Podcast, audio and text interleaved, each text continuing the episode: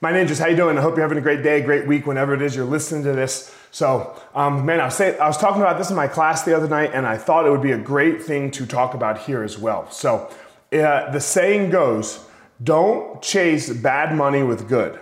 Okay, and what we're talking about is this idea of what's called uh, sunk cost. Okay, uh, the money, the money analogy comes from poker. Okay, there's rounds of betting in poker. And sometimes you can start with the best hand, right? You know, you have, you're winning at a certain round of betting. And then another card comes out, and now you know that this card has made you lose. Okay?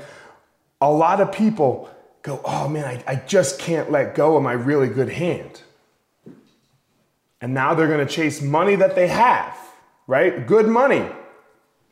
They're gonna chase bad money with their good money. Okay? And it's sunk already. That, that's the idea. The, the, you've already lost. And just because you had a good hand doesn't mean you still have a good hand. And we do this a lot with our life.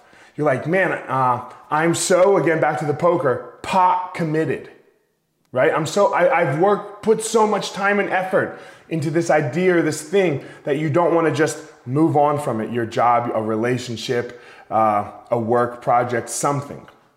Okay? If it's not good, it's not good. And the second you realize that it's not good, move on. Move on.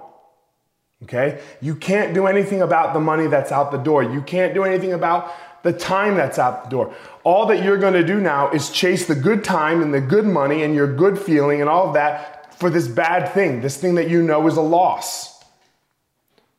Don't chase bad money with good, my ninjas. Discover your passion, find your power, go give your purpose to the world.